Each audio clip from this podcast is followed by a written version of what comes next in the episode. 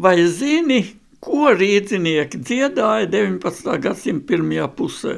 Vai pat precīzāk, gubernatora Filipo Paulucci laikā, tas ir 812. un 829. gadi.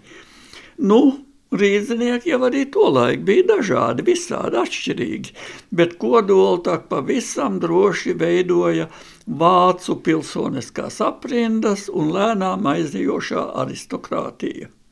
Par šo periodu mums ir izteiksmīgs dzīves raksturojums pirmajā Rīgas pagātnē veltītajā grāmatā. Tā ir Konstantīna Metiga Rīgas pilsētas vēsture.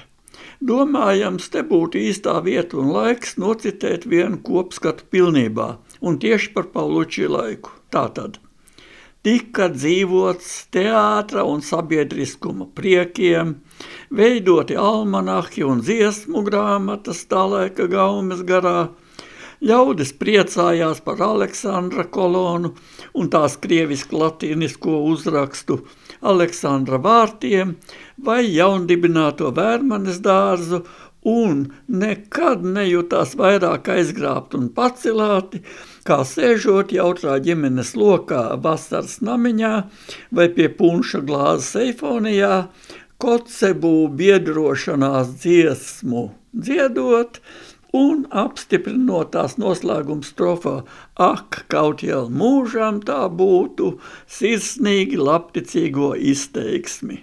Citāta beigas. Te jāņem vērā, ka pati Augusta von Kocebū biedrošanās dziesma, Gesellschaftslīd, latviskojums arī draugu dziesma, ir dzējolis, nevis dziesma kā dzējols ar mūziku. Un kas tā par biedrošanos, draudzēšanos vai brāļošanos? Lūk, kontekstam un salīdzinājumam. Kas ir brāļi šodien priecājieties? Tas ir Gaudiāmus Igitur, agrīns latviskojums. Un kas ir Eiropas Savienības himna? Pareizi, Prieks un līksme šodien zirgstī no Friedriha Šillera vārsmās likts apkampieties miljoni un no Ludviga van Beethovena daļa komponēts un šo pašu biedrošanās brālības ideju par pamatu ņemošu. Visi šie piemēri pieskaņojas biedrošanās dziesmai, kā īpašam mūzikas žanram, no profesionālās jomas līdz pat tiešai nepastarpinātai sadzīvei. Mazs ieskats dzējoļa rindās. Tik līksmi un priecīgi sēžam un mīlami katru nudienu, un mundrumu sniedzam viens otram, kaut mūžam tā paliktu vien. Tak nevar tā mūžīgi palikt. Šo prieku tad sargājiet jūs.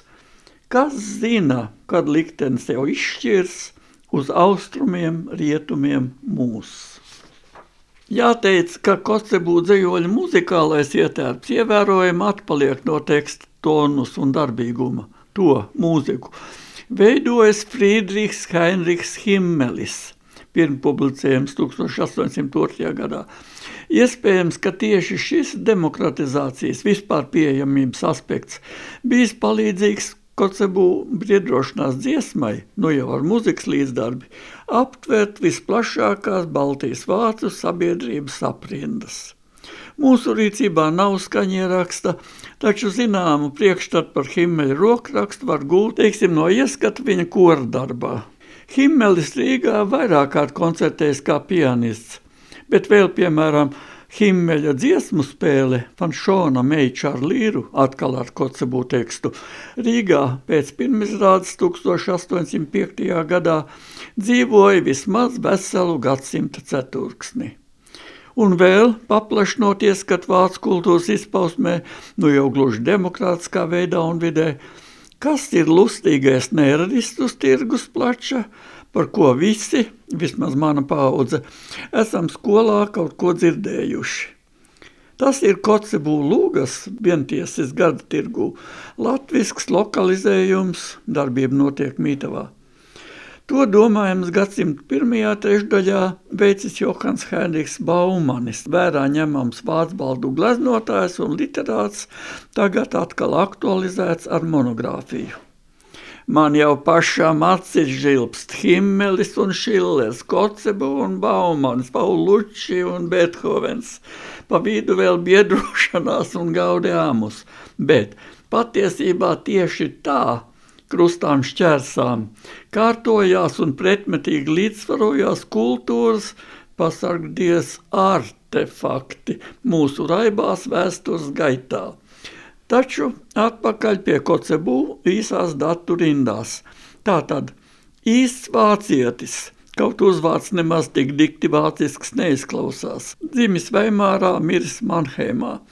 Kad literārs 1800. gadā nolēmis paciemoties pie radiem Sanktpēterburgā, uz Krievu impērijas robežas viņu jau gaidījis priekšraksts īsi un aši saņemt ciet un nogādāt Sibīrijā.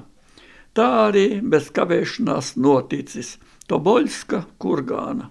Savukārt, kad cars Pāvils I izlasīja Kocebū lūgu Pētera III sirmais kučīris, kas glaimoja viņa patmīlībai, trimdinieks tika atbrīvots, ieradās Pēterburgā, tika uzstutēts dišciltībā, fon Kocebū, un ciešanas kompensētas ar muižu netālu no Narvas toreizējā Rēvels guberņā. Pašam Augustam von Kocebu trīs laulībās bija 18 bērnu. Vīriešu dzimtes pēcteču vidū vairākas ievērojamas un plaši pazīstamas personas. Viena no tām dēls, slavens jūras braucējs Otto von Kocebu. Viņa vārdā nosaukta Amerikas ziemeļu pirmie dzīvotāju kopiena, mūsdienās plaukstoša, ASV Aļaskas štata pilsēta Kocebū pie Čukču jūras Kocebū jūras šauruma. Un Augusta von Kocebū kopotie raksti 40 sējumos un brīnišķīgais dzejdarbs biedrošanās dziesma. Rīgā tas klejoja jaunkunžu albumos, preses lejās un jautrās ģimenes sajiešanās vai pie punša glāzes – Līdertāfela biedrībās.